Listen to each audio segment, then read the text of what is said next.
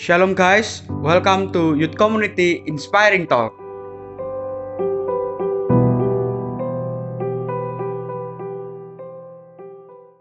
Shalom guys, gimana nih kabar kalian semua? Kembali lagi bersama aku Stephen Nathanael di podcast Youth Community yang ke-14 ya guys ya. Semoga saya tidak salah, 14. Jadi seperti biasa, kali ini saya akan ditemani oleh teman saya, ada Cenita Rista Sari. Halo, C. Yeay. Ya, Halo, gimana nih, C? Stephen. Setelah minggu lalu nggak ada di podcast. Ya, ada senangnya, ada sedihnya karena nggak bisa gabung. Ya, tapi meskipun nggak gabung kan, tetap kita mendengarkan podcast-podcastnya ya, C. ya. Dong. Itu kan salah satu wadah di mana kita bisa saling Iya, apalagi kan, Bang. di tengah masa pandemi seperti ini yang semuanya harus online. Jadi podcast ini bisa menjadi Benar. wadah untuk mengisi diri kita lah. Nah, Kayak semacam Iya, HP gitu kan ya, Van. Karena HP itu eh, baterainya habis, otomatis mau nggak mau kamu harus datang ke sumbernya dong buat cas bateraimu ya benar sekali. Kita harus mengisi sampai diri kita penuh. Woi. Oh ya, Van, Eh, hari ini kita mau bahas sesuatu yang mungkin kedengarannya baru dan bisa jadi sebenarnya kita juga ngalamin hal ini, Van. Tahu nggak apa? eh apa ya, C?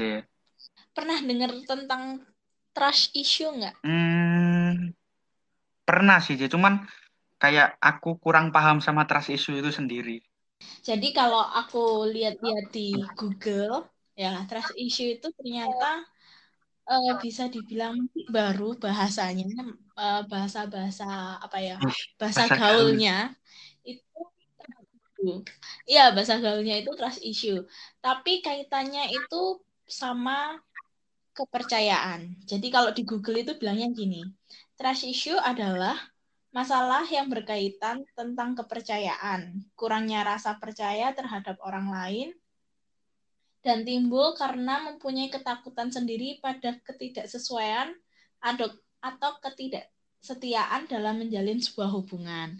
Jadi trust issue itu sebenarnya nggak hanya untuk pasangan fun, tapi juga bisa kita sama pimpinan, kita sama orang tua, kita sama teman-teman kita. Ya, gitu benar-benar ya.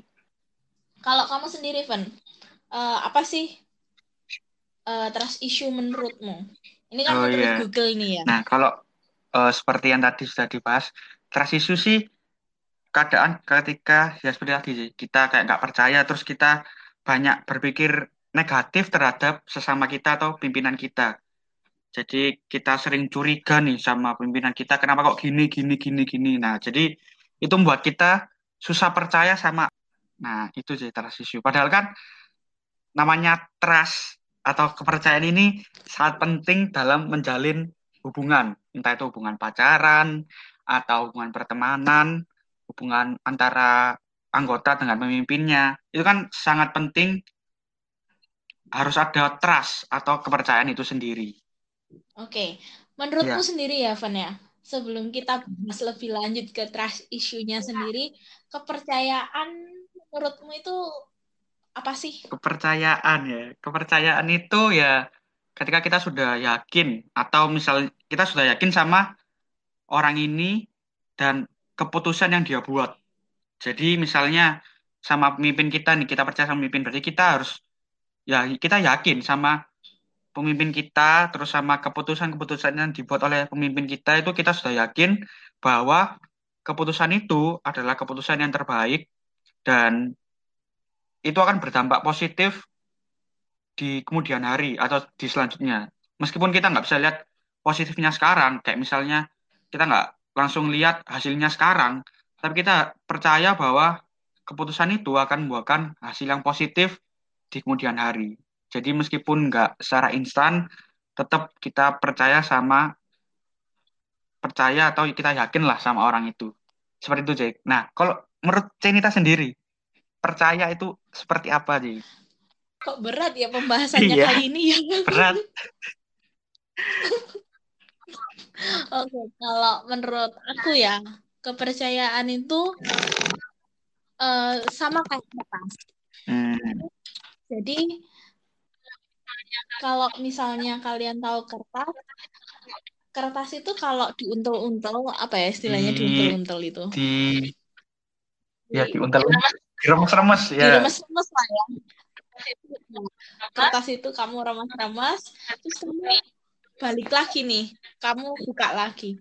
Ya, sama itu halnya kayak kepercayaan. Ketika kepercayaan itu disalahgunakan atau kepercayaan itu dialih fungsikan kayak eh, apa ya?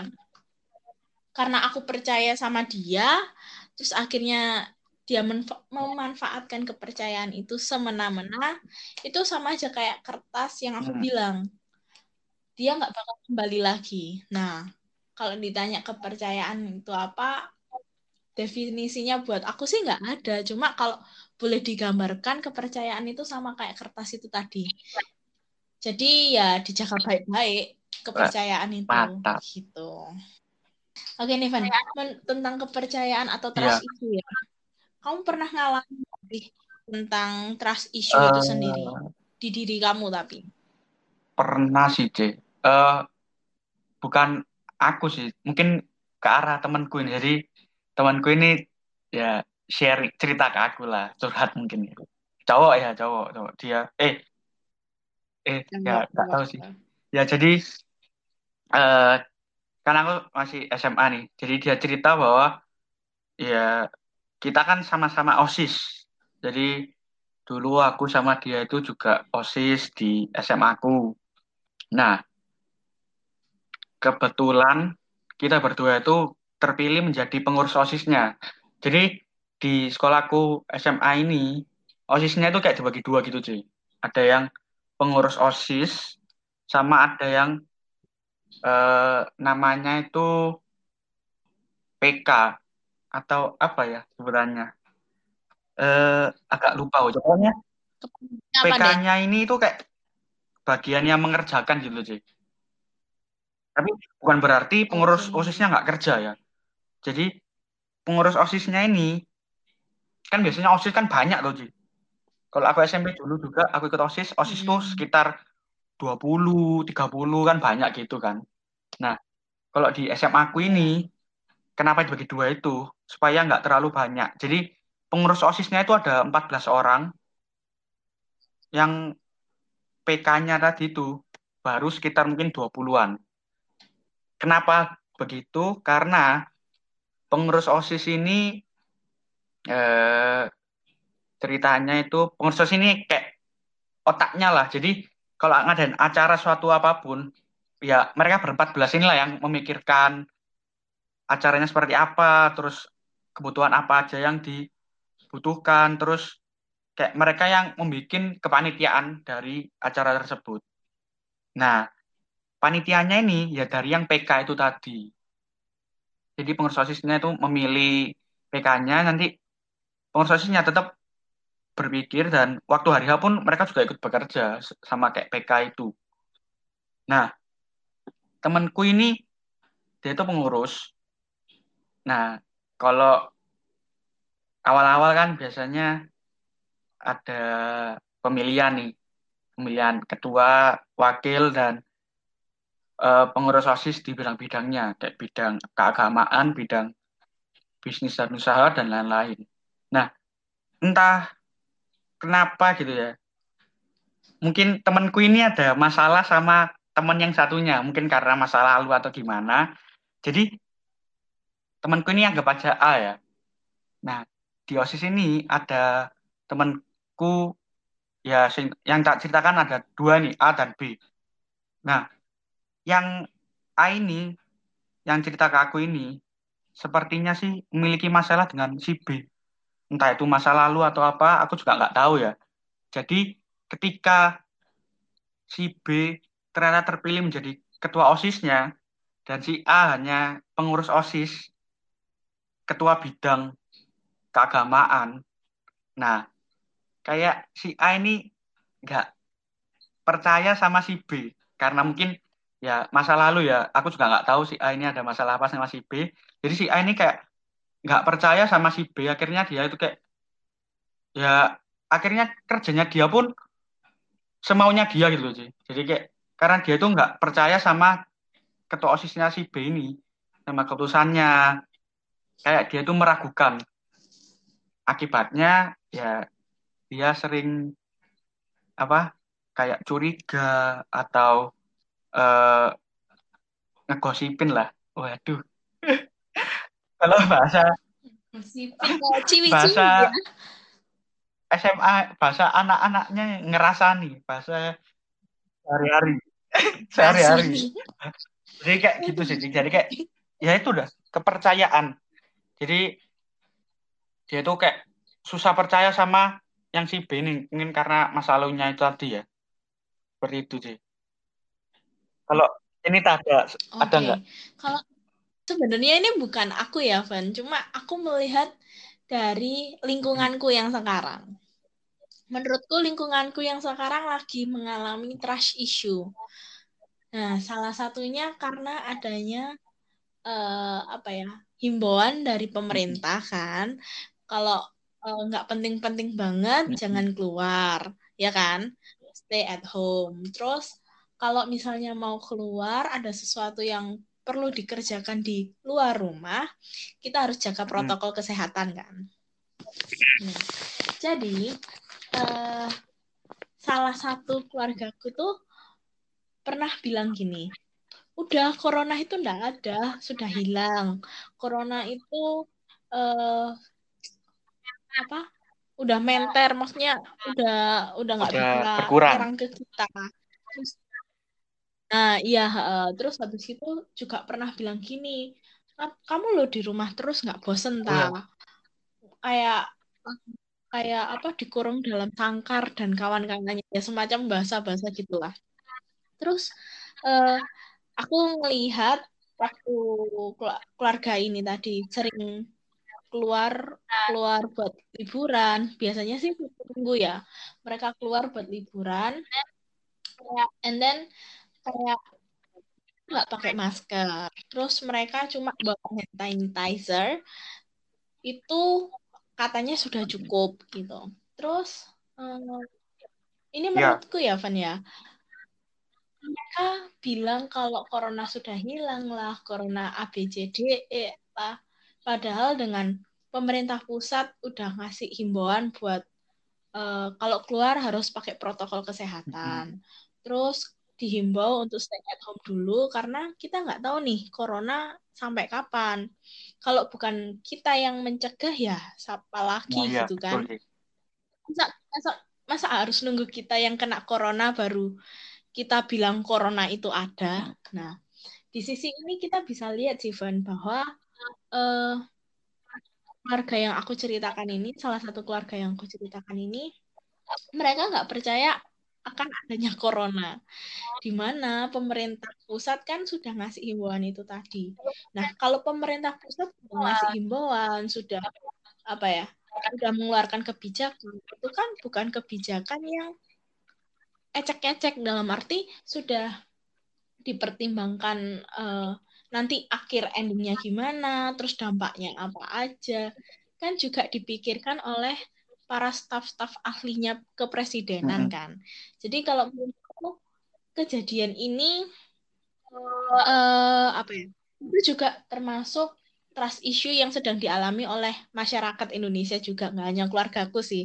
Karena kalau aku lihat di lingkungan yang aku saat aku di jalan ya, ada beberapa orang bahkan cenderung ibu-ibu paling sering itu kayak nggak pakai helm, terus nggak pakai masker, terus makan makan di pinggir jalan yang nggak ditutupin, itu kan apalagi kalau belanja nih ya, Bun, ya.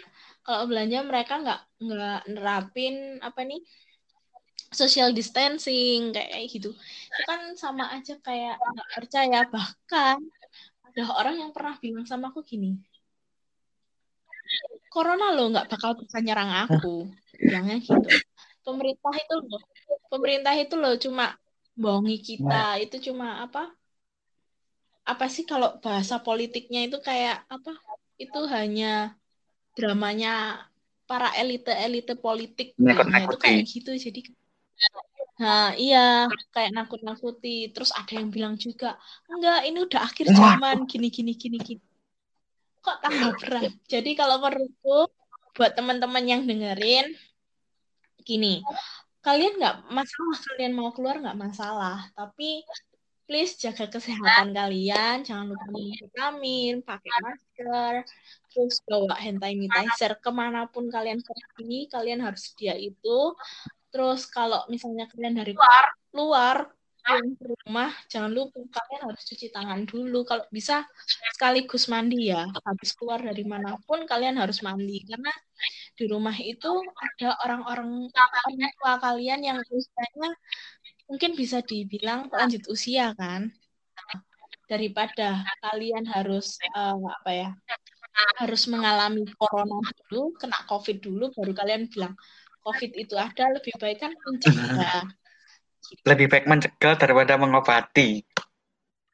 Ya, karena kalau sudah kena biaya sendiri. Iya, betul. itu iya. Kan. Aku juga ngelihatnya sih mungkin nggak keluarganya Cece aja, mungkin banyak sekitarku teman-temanku juga seperti itu, Je. Jadi kayak tetap nggak peduli sama anjuran pemerintah. Padahal kan ya ini pemerintah ya. Kok serem kita nggak nuruti pemerintah? Ini kan pemerintah negara ya. ya. Kan istilahnya gini ya, Van. Itu pimpinan kita yang kelihatan. Nah. Apalagi mudah nggak maksud ke apa? Ketika kita itu aja kita bisa melihat pemimpin kita. Bagaimana kok kita tidak bisa melihat? Aduh. Ya, dalam arti kalau yang nyata kelihatan aja kamu nggak nurutin, apalagi Tuhan yang nggak kelihatan, ya Benar. ya kan? Nah. Nah. Apa nih? Stephen dulu, ya, Stephen dulu. Dulu ya, Aduh. ya, kan kita sudah bahas banyak tentang trust issue nih. Nah, aku juga mau kembali ke awal sedikit ya, Cie. Kita membahas tentang okay. trust, kepercayaan. Kenapa sih kepercayaan ini sangat penting dalam suatu hubungan, entah itu ke teman, entah itu ke pemimpin, entah itu ke pacar atau ke siapa pun lah. Kenapa kepercayaan ini sangat penting dalam hubungan. Kalau menurut Cenita. Kenapa dibilang penting ya gini? Kalau kali kalau kalian sendiri nggak percaya sama orangnya, hubungan apa yang kalian bangun? Wah, ya nggak? Iya. Meskipun itu hubungan, meskipun itu sama orang tua sekalipun loh ya. ya kalau kalian nggak percaya dengan orang tua kalian, ya kalian sedang menjalin hubungan macam apa? gitu sih. Ya? Betul, betul, akal, akal. Kamu, kamu mau nggak kalau misalnya kamu menjalin hubungan sama orang yang nggak kamu percaya?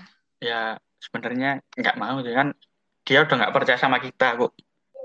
Iya, hasilnya hasilnya bakal kayak nggak all out, nggak nggak nggak tulus, nggak nggak melakukan semuanya lah. Jadi kayak nggak all out itu tadi ya, bener kata Cenita tadi nanti jadinya kayak menggerutu, mengeluh. Kerjanya setengah-setengah. Contoh simpel nih.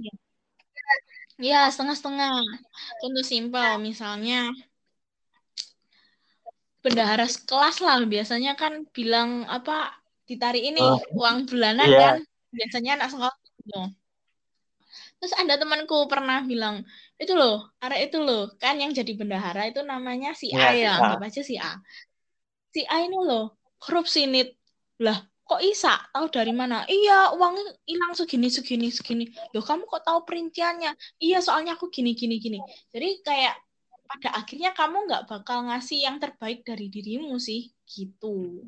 Lebih condong buat jelek-jelekin orangnya. Bahkan yang lebih parah kamu eh, kalian sedang menabur hal negatif ke orang lain sehingga itu punya impact buruk sama orang yang dianggap negatif ini tadi padahal kan ya belum tentu Nah, ya benar-benar. Gitu. Kalau menurutmu? Berarti ya ya kalau menurutku sih kepercayaan ini dasar ya ya. Dasar kita menjalin hubungan entah itu ke pemimpin atau ke siapa pun. Karena kalau dari awal aja kita sudah nggak percaya berarti ya kita seterusnya pun kayak melakukan segala sesuatu di setengah-setengah terus kayak merasa ada yang mengganjal lah dalam diri kita dalam hati kita. Jadi kayak banyak sekali mungkin rasa kita curiga, terus uh, berpikir wah nanti orangnya gini-gini. Akhirnya berpikir negatif terhadap suatu orang. Padahal kan ya juga belum tentu kan ya loh berpikir negatif itu kan juga termasuk toxic mindset nggak sih? Nah betul. Seperti uh, dua minggu eh beberapa minggu yang lalu lah iya. pembahasan kita toxic mindset. Nah akhirnya kalau kalian punya pikiran yang negatif kalian juga akan imbasnya adalah ini apa tindakan kalian ke orang tersebut juga bakal negatif. Lalu kalau kalian menabur hal yang negatif, otomatis kalian juga akan menuai hal yang negatif pula kan? Iya betul. Gitu. Nah bahkan pun kalau menurut cerita dari Cenita tadi ya, ketika suatu orang sudah tidak percaya dengan seseorang yang lain, dia pun juga bisa mempengaruhi orang-orang sekitarnya. Kayak dari Cenita tadi mungkin dia cerita ke Cenita, eh itu loh apa orang itu loh korupsi padahal kan itu juga belum ada buktinya kan ya Cia ya. nah itu kan juga bisa mempengaruhi orang lain supaya percaya sama dia padahal kan belum ada bukti. Nah itu yang bahaya sekali itu sampai mempengaruhi sekitar. Itu bisa dikatakan juga hoax ya nggak? Nah betul sekali seperti pembahasan kita minggu lalu hoax. Kita keren dong emang, bisa menyangkutkan poin-poin yang dulu. Emang kita ini kan membuat tema dari podcast kan nggak asal bikin sih jadi kita urut-urut oh, jadi iya. saling bertahap kan terhubung iya saling terhubung jadi nggak asal begitu nah buat teman-teman yang belum dengerin uh, eh, podcast podcast kita yang sebelumnya dengerin dulu yang awal-awal biar kalian uh, paham nih pembicaraan kita alurnya bakal ke mana. Iya nggak, Van? Iya, benar. Karena kan ya meskipun nggak meskipun pembahasannya beda, cuman kan tetap di dalamnya ada yang terhubung-terhubung lah. Jadi kalau teman-teman sudah mendengarin yang lalu-lalu, pasti paham lah dengan pembahasan kita. Sip. Seperti itu. Oke. Okay. Nah, Terus aku juga mau tanya nih ke Aku dulu kenapa? oh, oke okay, Ji, oke. Okay. Gantian ya, gantian. Kita harus gantian, teman-teman. Oke, okay, Ji, silakan. Ngalah sama yang tua. Iya, Ji. Oke, okay, oke. Okay. Bagaimana, ya menurutmu, bagaimana sih kita tahu kalau kita punya trust issue, Ven? Nah, eh, bagaimana kita tahu kalau kita sudah memiliki trust issue itu yang pertama kita sudah kayak memiliki rasa curiga. Padahal kita juga belum ada bukti. Jadi misalnya kita sudah curiga nih, wah ini orangnya korupsi nih, kok bisa gini. Terus orangnya gini nih. Jadi kayak kita berasumsi-asumsi seperti itu. Padahal belum ada buktinya. Itu kan berarti itu kan berarti artinya kita tidak percaya issue tadi itu. Jadi kita sudah berpikir negatif padahal belum ada buktinya itu. Nah, terus ada lagi eh, kalau menurutku ya kita sudah melihat isu ketika kita ya itu tadi sih sebenarnya. Jadi ya itu kita tidak percaya, kita merasa keputusan yang dibuat oleh pemimpin kita itu salah. Jadi pada jadi mungkin kita menganggapnya kayak keputusannya itu tidak sepemikiran dengan kemauan kita. Padahal kan juga kemauan kita juga belum tentu benar gitu loh. Iya, Kan seseorang dipilih menjadi pemimpin, itu kan pasti dipilih orang orang lain kan, sih. Jadi kayak mungkin ada voting atau seperti apa. Nah, ketika satu orang sudah dipilih menjadi pemimpin kan berarti orang tersebut memiliki sesuatu yang spesial sehingga orang-orang yang lain itu percaya sama dia sehingga orang-orang mempercaya dia sebagai pemimpin seperti itu. Jadi menurutku ketika seorang sudah menjadi pemimpin itu pasti ada suatu hal yang spesial di dalam dirinya yang dilihat oleh orang lain, entah itu dia itu di sekitarnya memiliki dampak yang positif atau seperti apa.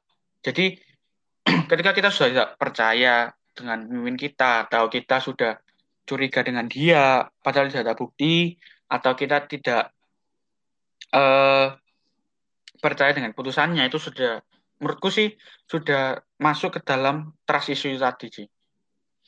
Oke, Nah. aku setuju juga. Kalau cerita nih, gimana nih? Kalau aku sih yang pertama gimana kita tahu kita memiliki trust issue tadi masalah tentang kepercayaan yang pertama bisa dilihat dari pengalaman buruk sih mungkin kita memiliki uh, mulai apa ya memiliki trust issue itu karena didukung dengan adanya pengalaman buruk. Mungkin bisa dicek dari diri kita masing-masing sih ya. Terus yang kedua adalah kita dari pengalaman itu akhirnya terbawa kan sampai sekarang terus kita punya asumsi negatif sama seseorang itu. Gitu. Terus yang ketiga kita bisa ngeliat kita bisa ngelihat tindakan yang kita lakukan apakah itu negatif atau positif? Dan yang keempat itu berkaitan kalau ada tindakan otomatis kita bisa ngelihat dampaknya kan positif atau negatif. Gitu sih. Jadi sama aja sih kayak hukum tabur tuai. Apa yang kamu tabur ya itu yang kamu tuai. Itu bisa dilihat apakah kalian punya trust issue ya dari situ dari tindakan dari dampak. Mungkin kalian perlu untuk breakdown diri sih lebih tepatnya kalau menurut aku ya terus kalau masalah yang kamu bilang tentang pimpin, pimpinan itu tadi aku menemukan ayat yang cocok banget nih Van sama apa yang kamu katakan tadi. Teman-teman yang lagi dengerin ini boleh buka Alkitabnya di Ibrani 13 ayat 17. Di situ bilang, taatilah pimpin pemimpin-pemimpinmu dan tunduklah kepada mereka. Kenapa? Ini jawabannya. Sebab mereka berjaga-jaga atas jiwamu. Otomatis dari ayat ini bilang bahwa pemimpinmu ini sudah dikasih hikmat dari Tuhan untuk mempercayakan kalian. Jadi kalian jangan apa ya istilahnya jangan meragukan pimpinanmu lah. Kasih kepercayaan buat pimpinanmu menjalankan tugasnya. Terus ada lagi. Kenapa kok kalian harus taat sama pimpinan? Itu bilangnya gini karena sebagai orang-orang yang harus bertanggung jawab atasnya. Dengan jalan itu, mereka akan melakukan dengan gembira, bukan dengan keluh kesah, sebab hal itu tidak akan membawa keuntungan bagimu. Gitu sih, Van. Jadi, ya. kalau misalnya nih ya, di sekolah atau di masyarakat, di lingkungan masyarakat, ada penentuan tentang kepemimpinan, entah itu RT RW atau uh, apa gubernur wali kota bahkan presiden. Kalau di sekolah mungkin ketua osis ya. Kalau yang ketua kelas. Ya ketua kelas gitu-gitu kan. Atau kalau yeah. di perkuliahan ada yang namanya ketua BEM, LPM, terus ada ketua BPMU dan lain sebagainya itu ya kalian kan sudah tahu nih jadwalnya bakal ada musyawarah atau voting itu tadi kapan. Nah, jauh-jauh hari nih kalian bisa doakan siapa pun pemimpin yang terpilih biar itu eh, apa ya? Itu juga yang jadi maunya Tuhan buat kalian gitu. Nah, aku juga mau bahasin, sih. Aku aku pun menyadari bahwa sebenarnya eh, akibat dari trust ini pun juga sangat seram ya, Cik. Karena karena kita sudah sering curiga atau kita susah percaya sama orang, itu juga bisa membuat kita akhirnya kalau dalam pertemanan nih ya, kita itu kayak hanya memiliki beberapa teman. Jadi teman kita pun tidak banyak karena itu tadi kita susah percaya dengan orang. Jadi ketika kita ingin menjalin suatu hubungan yang baru, pasti kita susah gitu untuk percaya tadi karena kita apa ada trust tadi. Jadi uh, hubungan kita pun mungkin tidak banyak itu ya. Jadi akibatnya itu sampai segitu. Jadi pun apa jika kita trust issue tadi yang kita sering curiga kan berarti kan berpikiran negatif. Nah, bahkan karena kita sering berpikir negatif ya. Mungkin kita juga bisa menjadi stres karena kita terlalu apa terlalu overthinking. Berpikir ya overthinking benar apalagi overthinking yang negatif itu kan berarti wah jangan dia gini gini gini gini. Itu kan akhirnya kita malah stres sendiri karena kita overthinking seperti itu. Nah itu pun ah sangat gimana ya sangat seram sih. Ya benar Van. Dan ketika apa orang gak ada yang sama kayak kita. Misalnya orang juga orang nggak ada yang sepemikiran dengan kita kita pun bakal merasa kesepian tadi. Kesepian karena kita mau bersosialisasi pun kita juga susah percaya dengan orang lain. Jadi kita pasti selalu mengandalkan diri sendiri diri sendiri diri sendiri dan diri sendiri. Itu bisa membuat kita kesepian. Nah itu pun juga uh, seram sih sangat membahayakan. Gitu teman-teman. Kalau aku ya Van mau nambahin dikit sih dari ceritamu ini tadi. Ya. uh, untuk percaya sama orang itu juga menurutku juga sulit pasti sulit. Tapi nggak nggak sesulit itu kok. Dalam arti kalau kalian dalam pimpinan Tuhan kalau kalian punya hubungan dekat sama Tuhan otomatis hikmat yang dari Tuhan itu juga turun. Untuk kalian percaya sama orang so pasti kalian percaya dengan hikmat yang Tuhan kasih kok gitu. Nah iya bahkan apa akibatnya pun bisa kita kehilangan kesempatan lah untuk lebih mengenal orang terus membangun jaringan iya. menjalin persahabatan dan lain-lain. Itu uh, kan nih aku saya nah menurutmu nih ya Van ini ya, the, ya. the last question dari aku. Oke siap uh, gimana sih caramu atau kasih tips and trick buat teman-teman kita yang dengerin podcast ini dan sekarang mungkin mereka tahu nih kalau mereka mengalami adanya trust issue buat keluar dari iya, benar. gimana? Kalau dari kamu nih, dari pengalamanmu. Hmm, cara keluar ya, ya atau cara bebas. Um, kalau dari aku sih, kita harus menyadari ya pasti cara terpenting untuk mengatasi issue itu kita harus menyadari. Kita menyadari bahwa kita itu mungkin bisa jadi batu sandungan karena kita tidak percaya dengan orang dan kita akhirnya bekerja setengah-setengah misalnya dari kepemimpinan tadi itu kan bisa menjadi batu sandungan untuk anggota-anggota yang lain tapi kok dalam kepanitiaan dan lain-lain. Nah, yang terpenting kita harus menyadari issue tersebut dan memang mungkin tidak mudah ya dan tetap ada kemungkinan kita akan mengalami transisi lagi. Tapi kita harus ingat. Nah, ini aku ada artikel yang aku baca. Jadi, cara terpenting untuk master siswa itu adalah menyadari. Memang tidak mudah dan tetap ada kemungkinan kita akan mengalami lagi. Tapi ingat bahwa itu apa akibatnya itu adalah bagian dari resiko. Dan kita juga harus ingat bahwa di antara orang yang menyakiti kita, pasti lebih banyak lagi orang-orang yang menyayangi kita. Wah, siap. Eh. ya gitu. Pokoknya ya itu tadi sih. Kita harus menyadari dan yang pertama, ya pertama yang tak, tak sebutkan tadi aja ya, bahwa eh, semua pemimpin itu pasti sudah eh, sudah sudah melalui tes-tes atau sudah dipercayalah sama orang-orang yang lain. Dan suatu pemimpin, kenapa dia bisa jadi pemimpin? Pasti ada suatu hal yang spesial di dalam dirinya. Dan ada, aku ada nemu satu ayat lagi, J, yang sangat apa berhubungan dengan tersisi ini. Di Roma 13 ayat 1. Mungkin teman-teman juga bisa membuka, kita bisa baca bersama-sama. Jadi seperti ini ayatnya. Tiap-tiap orang harus takluk kepada pemerintah yang di atasnya, sebab tidak ada pemerintah yang tidak berasal dari Allah, dan pemerintah-pemerintah yang ada ditetapkan oleh Allah. Itu kan berarti semua pemerintah yang ada di atas kita sudah ditentukan oleh Allah karena Allah sudah mungkin melihat sesuatu dalam dirinya. Jadi kalau pemerintah di atas kita sudah dipercayai oleh Allah menjadi pemimpin kita, ya kita itu harus percaya aja lah. Kita percaya terhadap orang tersebut. Seperti itu. Nah, kalau menurut Tenita nih? Kalau aku, kamu baca ayat itu tadi aku keinget satu tokoh Alkitab tau. Siapa sih? Tahu nggak siapa? Sering diremehin. Siapa nih? Daud. Oh. Iya nggak?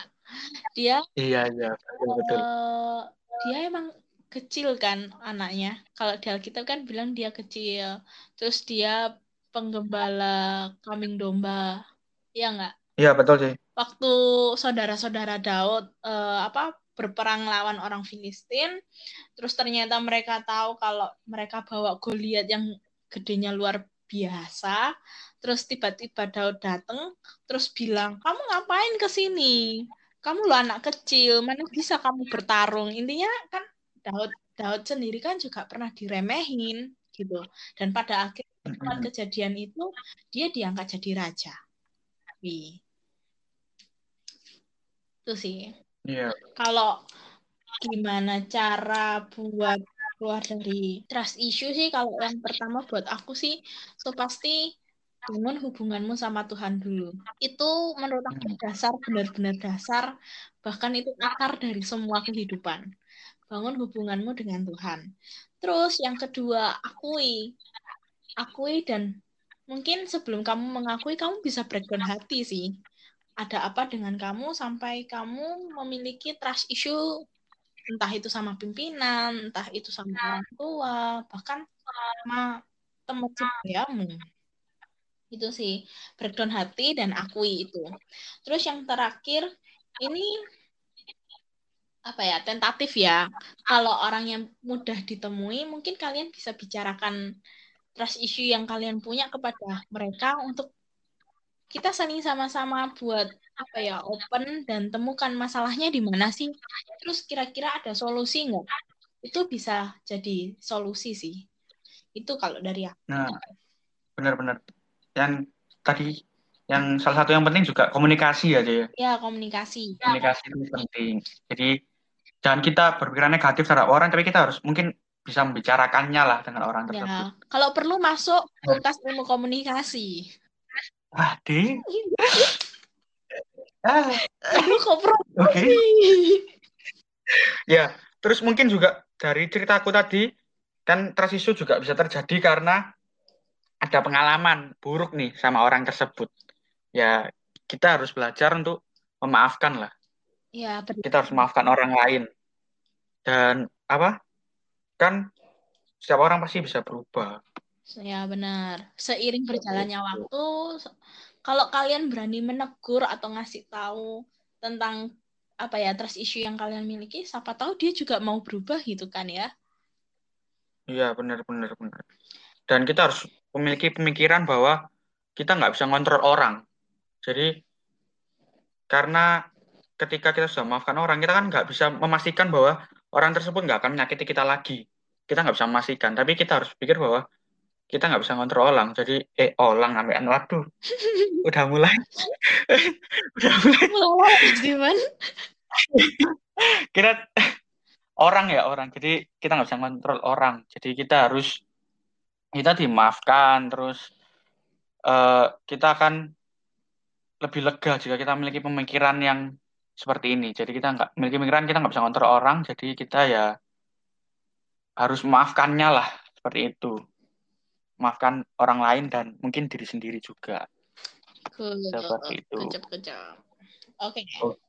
Oke, kita sampai di akhir. Yeay. Jadi buat teman-teman jangan lupa untuk follow Instagram kita seperti biasa, follow Instagram at gbs.com.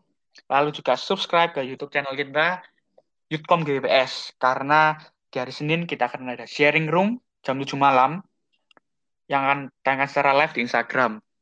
Lalu di hari Kamis kita akan ada doa yang diadakan jam 7 malam dan ditayangkan secara live di Instagram.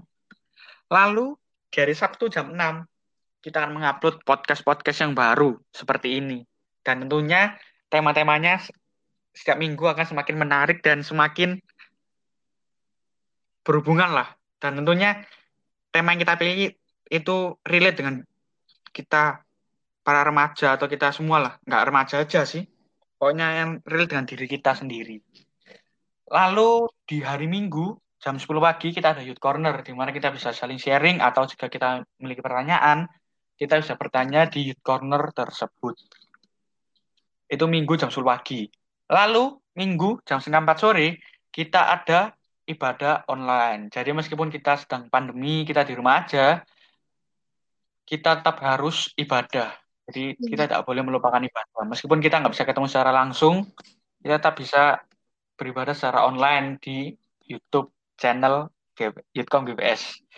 Jadi di setiap hari Minggu jam setengah 4 sore akan ada ibadah online yang tangan secara live di YouTube Yutkom GBPS. Dan- Oke, jadi itu tadi pengumuman dari kita untuk seminggu ini. Buat Cenita, terima kasih atas waktunya. Sudah mau sudah mau sharing-sharing. Wedi, Eh, berasa aku yang jadi narasumber. sudah mau membuka pengalaman-pengalaman ya. Oke, oke. Dan buat teman-teman yang dengerin, eh, aku saranin buat kalian harus dan wajib hukumnya buat gabung sama wadah-wadah yang sudah disediain sama Yutkom. Karena apa? Ya, di situlah tempat kita bertemu, tem- di situlah tempat kita saling curhat, dan di situlah tempat kita ngecas baterai-baterai kita yang mulai habis. Yuk, kita ketemuan, kita saling cas masing-masing diri kita lewat wadah-wadah yang disebutkan Steven tadi. Oke? Ya. Jadi meskipun kita tidak bertemu atau kita di rumah aja, kita harus mengisi diri kita dengan suatu yang, yang positif tentunya ya. Yep. Oke, jadi terima kasih buat semuanya sudah mendengarkan. Sampai bertemu di podcast selanjutnya. Dadah. God bless you. Bye-bye. God bless you.